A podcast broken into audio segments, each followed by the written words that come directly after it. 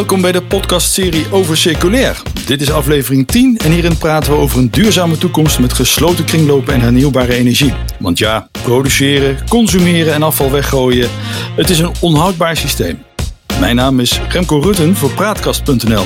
En ook in deze tiende aflevering praat ik met onze expert voor circulair ondernemen, Jolanda Kwakman. Dag Jolanda. Hallo, welkom. Hoi. Heb je trouwens al gezien dat in onze webshop van Praatkast.nl, we hebben tegenwoordig een eigen mok met een eigen opschrift te koop. Ja, ja. Leuk hè? heb ik gezien. Die is heel erg leuk. Ja. Mooi, mooi vormgegeven door Badjo. Er staat Ja. een mooie spreuk op. Liever één mok in de hand dan tien bekertjes in de prullenmand. Nou, ik vind het wel heel mooi ja, hij is echt Mooi, heel gaaf. Ja. Dus een aanrader eh, voor de luisteraar. Kijk even op praatkast.nl en dan de webshop.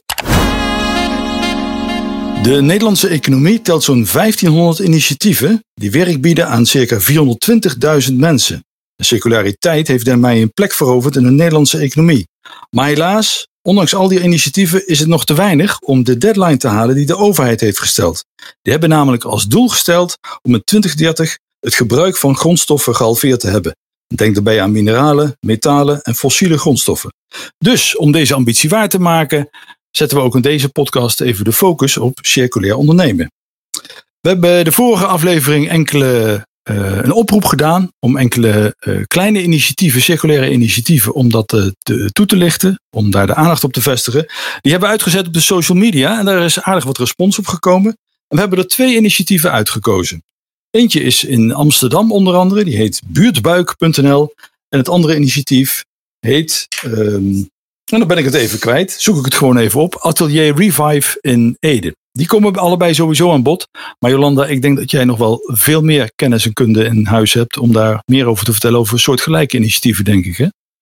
Eh, ja, er zijn wel eh, zeker eh, nog wel meer van zulke initiatieven te vinden.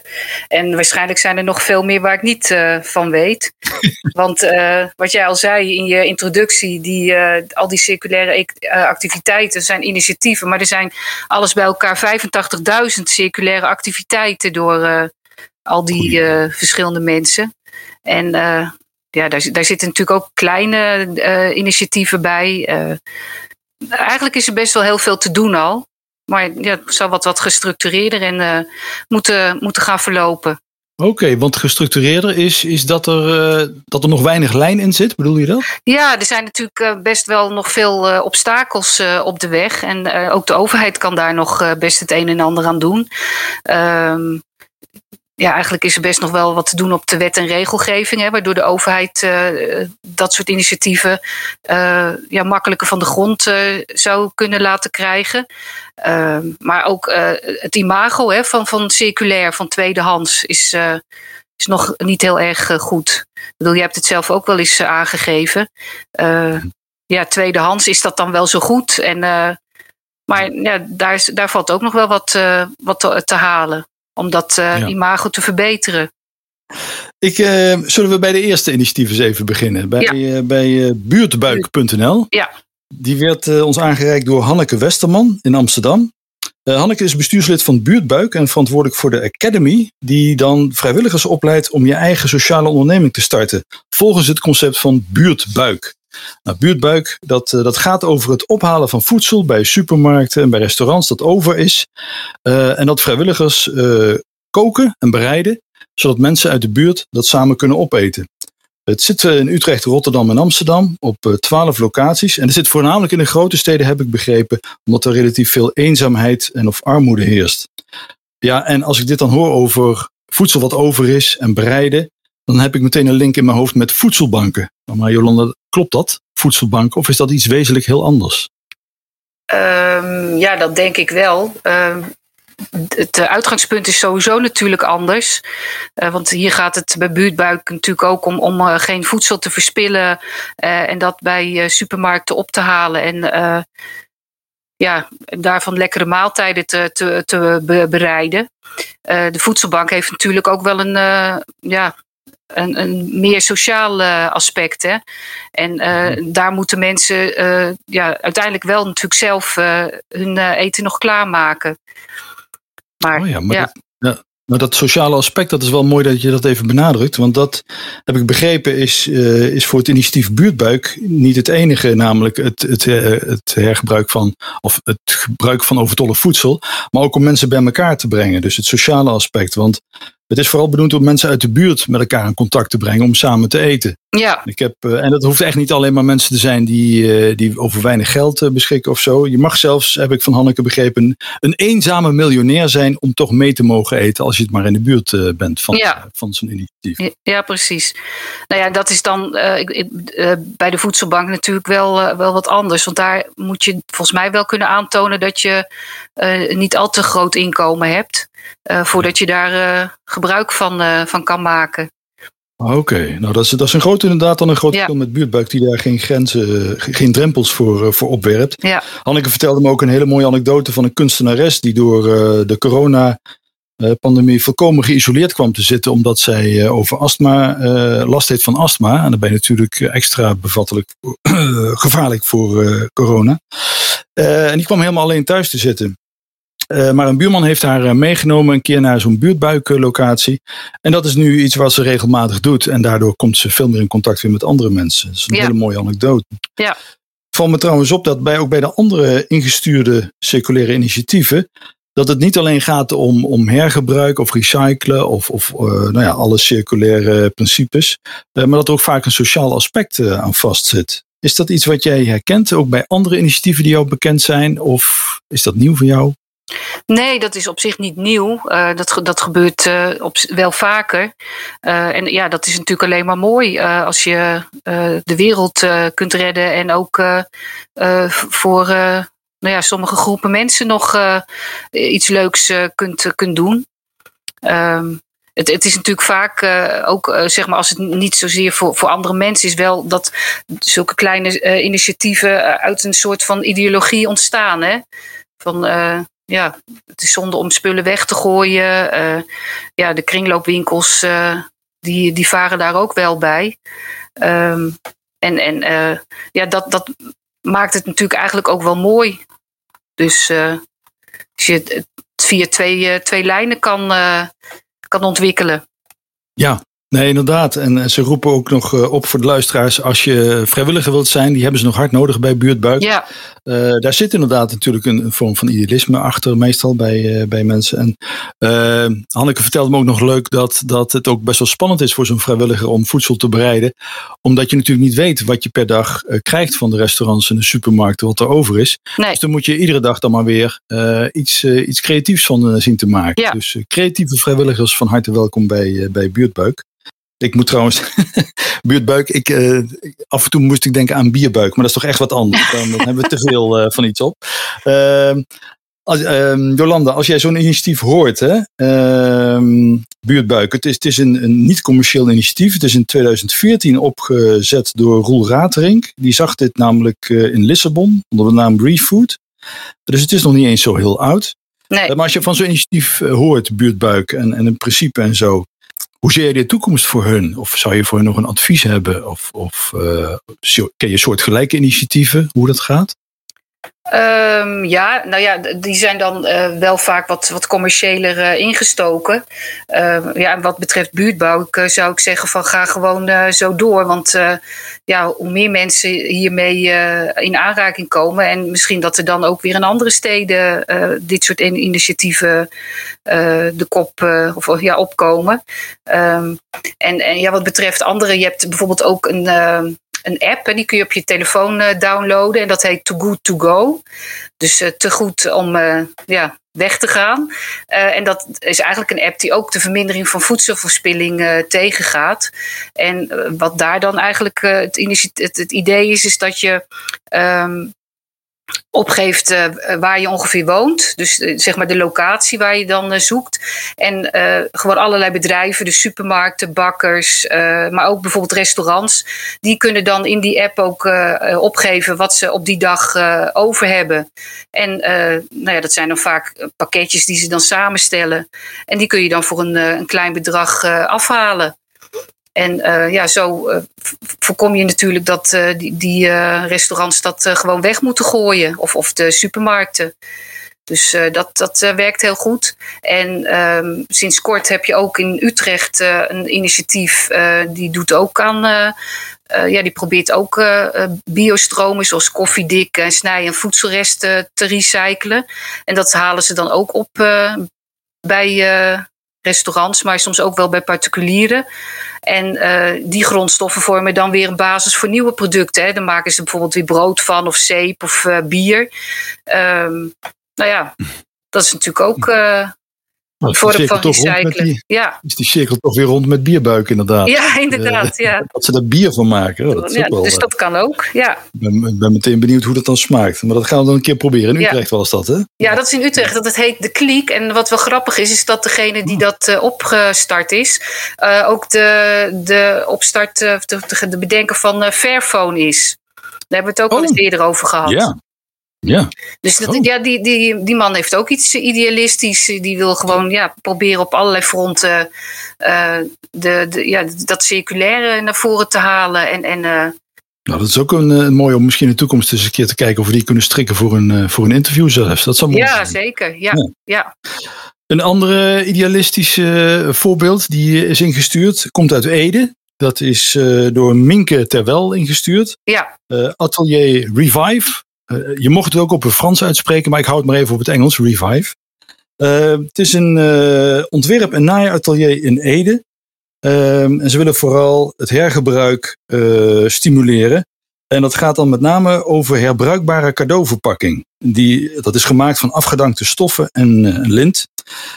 deze materialen hebben ze dus gered van de container en gaan ze een tweede leven geven. Doordat daar mooie verpakkingen van te maken en die opnieuw aan te bieden. Het is daarmee een oplossing voor ja, het verspillen van cadeaupapier en, ja. en cellofaan.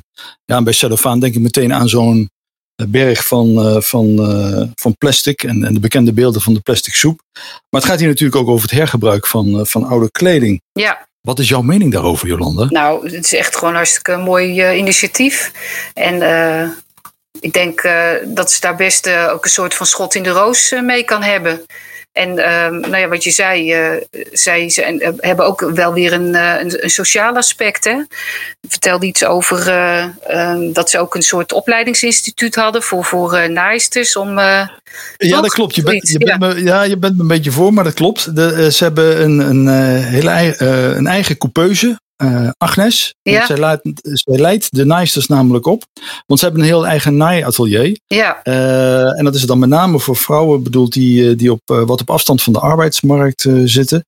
en, die, en zij leidt ze dus op in het naaiatelier. Ja. om, daar, om daar dan mooie dingen te maken.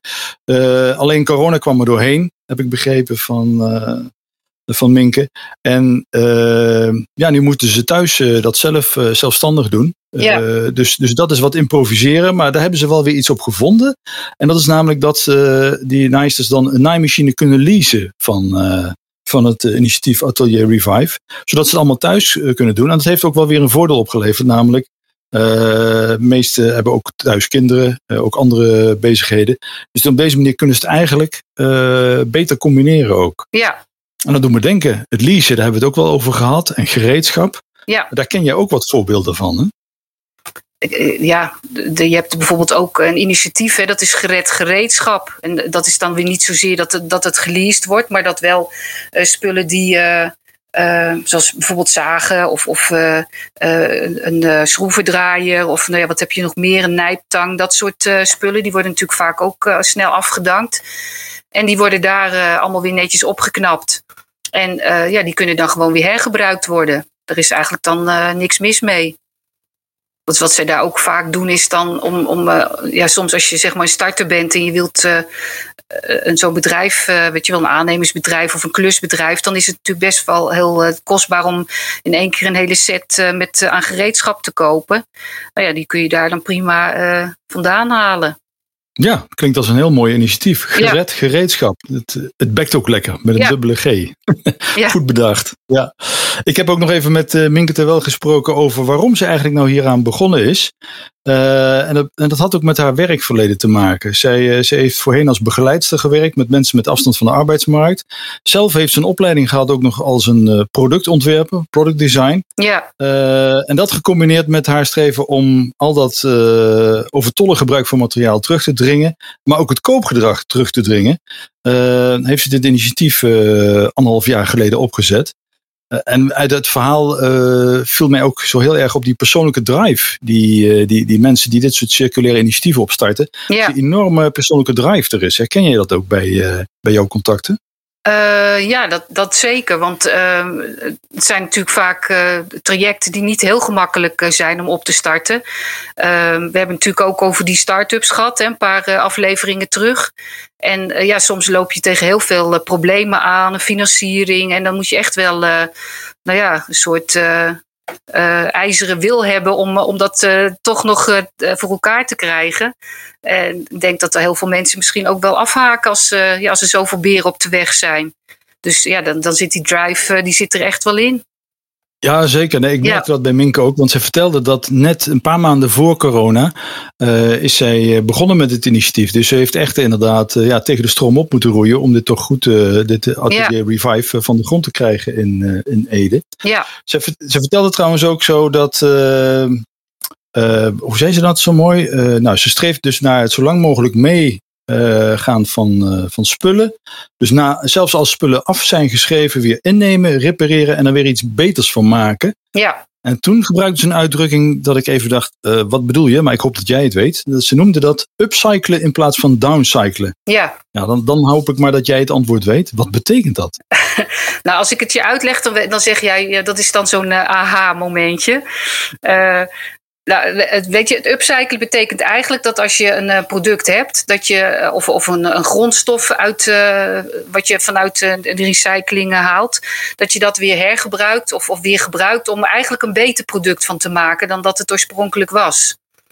Dus uh, je kunt bijvoorbeeld uh, van uh, een, een, oude spijkerbroek kun je weer een hele mooie tas maken. Of van oude olievaten hele mooie meubels. Weet je wel, dan ga je gewoon er eigenlijk iets van maken wat ja, ook zeg maar in geld meer waarde kan hebben. Ja, dat is wel een hele mooie, want ze gaf ook een. Ze had een idee, die, die vond ik wel heel. Of dat is al aan het uitvoeren volgens mij. Uh, dat gaat over het hergebruik, en om, maar ook om dat te laten zien, hoe, dat dan, uh, hoe het hergebruikt wordt, om het te upcyclen, om daar een beeld bij te krijgen. Ja. Zij wil namelijk een QR-code op een label printen, op die, op die verpakking, ja. zodat je de gebruikersgeschiedenis kunt gaan volgen. Want zo'n QR-code die gaat natuurlijk van hand tot hand. Ja. en je kunt dan zien waar het allemaal geweest is. En op die manier, zij beweert, ja, je kunt die verpakking kun je wel 25 keer mee laten gaan. Uh, en dan zou je via de QR-code dan kunnen zien uh, hoe vaak het hergebruikt is en waar het hergebruikt is. Verder natuurlijk allemaal wel met ja. privacy in, in het oog. Ik vond het wel een heel mooi idee om de, om de waarde van hergebruik uh, te laten zien. Ja, nou ja, dat zeker. Maar wat, wat eigenlijk, wat ze hier doet, is natuurlijk het materiaal een soort paspoort geven. Hè? Dus dat je ja. altijd weet wat, ja, waar de spullen uit bestaan, welke materialen erin zitten als ze het uh, van meerdere soorten materialen maakt. En uh, ja, als je het dan weer uit elkaar haalt, dan weet je ook weer van wat het precies was en waar het voor gediend heeft. Dus in die, die zin geeft ze eigenlijk de materialen een paspoort. En upcycle is echt dat je gewoon bijvoorbeeld van een oude lap weer een hele mooie blouse maakt. Dus dan, uh, die lap die is niet zoveel waard, maar die blouse die, die kun je natuurlijk, ja, die heeft veel meer waarde. Die kun je ook echt dragen. En, ja. uh, en, en, en als je daarentegen tot downcycling zou je dan bijvoorbeeld van zo'n uh, lap, uh, lapstof, die kan je natuurlijk ook verknippen tot allemaal snippertjes en in een kussen stoppen als, als kussenvulling. En dat is dan weer downcyclen, omdat dat dan eigenlijk in waarde minder wordt. Oh, is dat hetzelfde als dat ik een oude lap uh, of een oud kledingstuk uh, gebruik om uh, bij het schilderen? Om, ja, om het, precies. Ja, als poetslap of zo. Ja, ja precies. Oké, ja. oké. Okay, okay. ja, dan, dan, dan snap ik hem inderdaad. Dat, dat is een, inderdaad een aha-moment. Ook leuk wat je vertelde inderdaad over het hergebruik dus van die spullen van afgedankte materialen. Want ik heb haar ook nog gevraagd aan Minke van wat zijn jouw toekomstdromen eigenlijk? Hoe, hoe wil je dit verder uitbouwen? en dat wil ze inderdaad die combinatie van het opleiden van vrouwen Ja. tot een bepaald vak. In combinatie met het hergebruik van afgedankte uh, materialen. Ja. Uh, dus ja, ze is ook uh, erg op zoek naar, naar investeringen. Maar toen dacht ik, ga ik eens even aan Jolanda vragen. Misschien dat jij ideeën voor hebt. Of, of dat je een soort gelijke initiatieven kent die dit op deze manier willen uitbouwen. Um, ja, ik, ik heb daar op zich wel, wel wat ideeën over. Maar dat is ook wel heel lastig om dat heel specifiek op haar, uh, noem je dat, uh, organisatie of haar initiatieven toe te spitsen. Maar het, het eerste wat ik dacht toen jij vroeg van hoe zou ze het verder kunnen uitbouwen. Ze kan natuurlijk van die lappenstof nog veel meer maken dan alleen maar cadeau, cadeauverpakking of tassen als ze op een gegeven moment uh, een aantal uh, goede nices in dienst heeft, zou je natuurlijk ook gewoon mooie blouses of, of voor, voor, voor kleine kinderen kleding van kunnen maken. En dan ja, ga je natuurlijk weer een ander traject in. En op die manier ja, dat... kan je het natuurlijk langzaam uitbouwen. Ja, ik heb ook wat, uh, want op, op, de, op de website van Atelier Revive heb ik ook even zitten kijken. Maar ze hebben inderdaad tegenwoordig ook mondkapjes, natuurlijk ja. actueel. Ja. Uh, maar er was ook iets wat heel bijzonder was, uh, no-box noemen ze dat. dat is gemaakt van oud vrachtwagenzeil. Ja. en daar kun je pakjes mee verzenden. Ik vond het wel een heel leuk gevonden. Ja. Echt oud vrachtwagenzeil. Ja, volgens mij kun je er bijna niks meer mee doen. Maar daar hebben ze dan toch weer iets, iets voor, voor gevonden. Ja. Ja, dat hergebruik van materiaal. Hè? Uh, volgens mij hebben we in een van de vorige gesprekken daar iets. Uh, dat gaat eigenlijk al een heel eind uh, stukje terug. Daar, daar heb je al eens een keer iets van wetgeving of zo genoemd. Klopt dat? Um, ja, jij hebt het uh, toch over Atlantsink nu. Daar, ja, daar ik, wil je naartoe? Ik, of, uh... nou, eigenlijk, ik kom oorspronkelijk uit Nijmegen. Ja. En Atlantsink heeft in Nijmegen niet altijd even een goede naam. Want dit Nee. wordt wel eens in verband gebracht met de Piersonrellen. Maar jij hebt een, een positieve twist bij de naam Atlantsink, begrijp ik. Dus ik ben heel benieuwd. Ja, nou ja, hij is degene die eh, al in 1979, dus dat is een behoorlijke tijd uh, geleden, uh, al uh, een, ja, eigenlijk een motie heeft ingediend over ja, hoe om te gaan met, met, met spullen. Hè. Dus dat, dat is eigenlijk een beetje een voorloper van de circulaire economie. en dat heet ook de ladder van Lansing. En um, ja, dat gaat dan over van, van wat doe je nog met je spullen. Hè? Dat gaat over preventie, hergebruik, recycling, energieën verbranden en storten. En dat, dat is dan zeg maar, de stort is eigenlijk de onderste trede. Maar je wilt natuurlijk helemaal bovenaan zijn bij de preventie. Dus het voorkomen dat er afval ontstaat. En uh, wat wel grappig is, dat uh, een van zijn voorbeelden was bijvoorbeeld geen wegwerpbekertjes. Dat binnenkort uh, er ook een, een, een, wet is, in, in aantocht is, waarbij je zeg maar die wegwerpspulletjes zoals van die roerstaafjes of, of wegwerpbeker of, of die, hoe noem je dat, die wattenstaafjes, dat die gewoon niet meer mogen. Nou ja, dat is een voorbeeld van preventie in die oude ladder van Lansink, zeg maar. De oude ladder van Lansink. Ja, ik moet Ja. wel te rekenen. 1979. Ja. We nemen dit op in 2021. Het heeft even geduurd, maar hij heeft zijn zin gekregen. Ja, En is inderdaad wel een mooi streven. Ja. Dat, eh, nou daarom. En dus het, het was op zich wel eh, ja, visionair om dat in, in die tijd al eh, te bedden te brengen. Eigenlijk is het ook ja, wereldwijd wel een, een, een voorbeeld van eh, ja, hoe je met circulaire economie al eh, kan omgaan. En eh, ja, als je deze, ehm, zeg maar die, die, die woorden van die ladderen vertaalt, dan kom je ook wel weer terug bij al die R'en hè, van de circulaire economie. Waar ze het nu dan natuurlijk veel al over hebben. Maar die zitten hier natuurlijk ook gewoon al in. ja, dus dat had al een voorgeschiedenis Ja, eigenlijk. ja. Nou, mooi hoor. Kijken hoe dat, hoe dat inderdaad eh, verder gaat. We kregen trouwens nog even de complimenten van Minke terwijl voor, voor onze podcast. En het mooie werk wat we doen met het eh, belichten van circulaire initiatieven. ja. Dus je krijgt de hartelijke groeten. En nog even één keer noemen voor de luisteraars. eh, atelierrevive.nl Ehm, Revive op zijn Engels dan inderdaad. Dan kom je op de website en kun je kijken wat daar allemaal aangeboden wordt. En wat ook hun plannen zijn. Het ziet Ja. er wel heel interessant uit. Zeg, we zijn alweer bijna aan het einde gekomen van deze tiende aflevering. Heb jij nog een bepaald initiatief wat je nog even eh, voor het voetlicht wil brengen? Of wat je nog te binnen schiet? Of Eh. hebben we ze allemaal gehad? Nou, ik, ik heb er eentje die, die wil ik eh, nog wel even noemen. Want dat vond ik zelf eigenlijk wel een hele grappige. Ehm, Want het gaat dan over uh, e-bikes. En dan denk je van, nou, e-bikes, dat is allemaal super modern. En uh, je hoort natuurlijk nu ook uh, al wel de geruchten dat de accu's op een gegeven moment het begeven. En dat je dus een, met, met een, een e-bike die nog, nog geen tien jaar oud is, ja, dat je daar dan geen nieuwe accu meer voor kunt krijgen. En dat je dus met die hmm. fiets zit. Maar ja, die zijn natuurlijk zwaar, dus dan ga je niet meer op, op fietsen. Maar er is, uh, zag ik een artikeltje over een uh, fietsenmaker, uh, dat heet Dutch World Bike, die is in Oplo. Dus een meneer die fietsen uit de jaren 40, 50 en 60, dus dat zijn de echte stevige fietsen van destijds, ombouwt tot e-bike.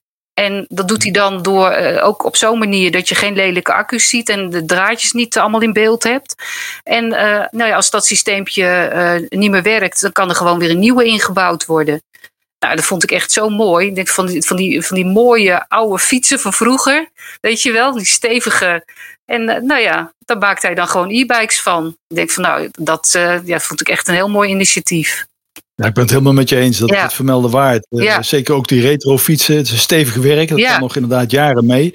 En, en, en om daar op deze manier dan nog weer een vervolg leven. Dat is, dat is, ik heb weer iets geleerd deze podcast. Dat is eigenlijk ook weer upcyclen dan. Hè? Als ik goed ja, in principe wel. Ja. ja. Je maakt van een oude fiets een, e-bike uh, fiets, waarbij je zelfs de accu uh, kunt vervangen. Ja. Dat uh, mooie, mooie, mooi laatste voorbeeld van deze, ja. van deze tiende aflevering.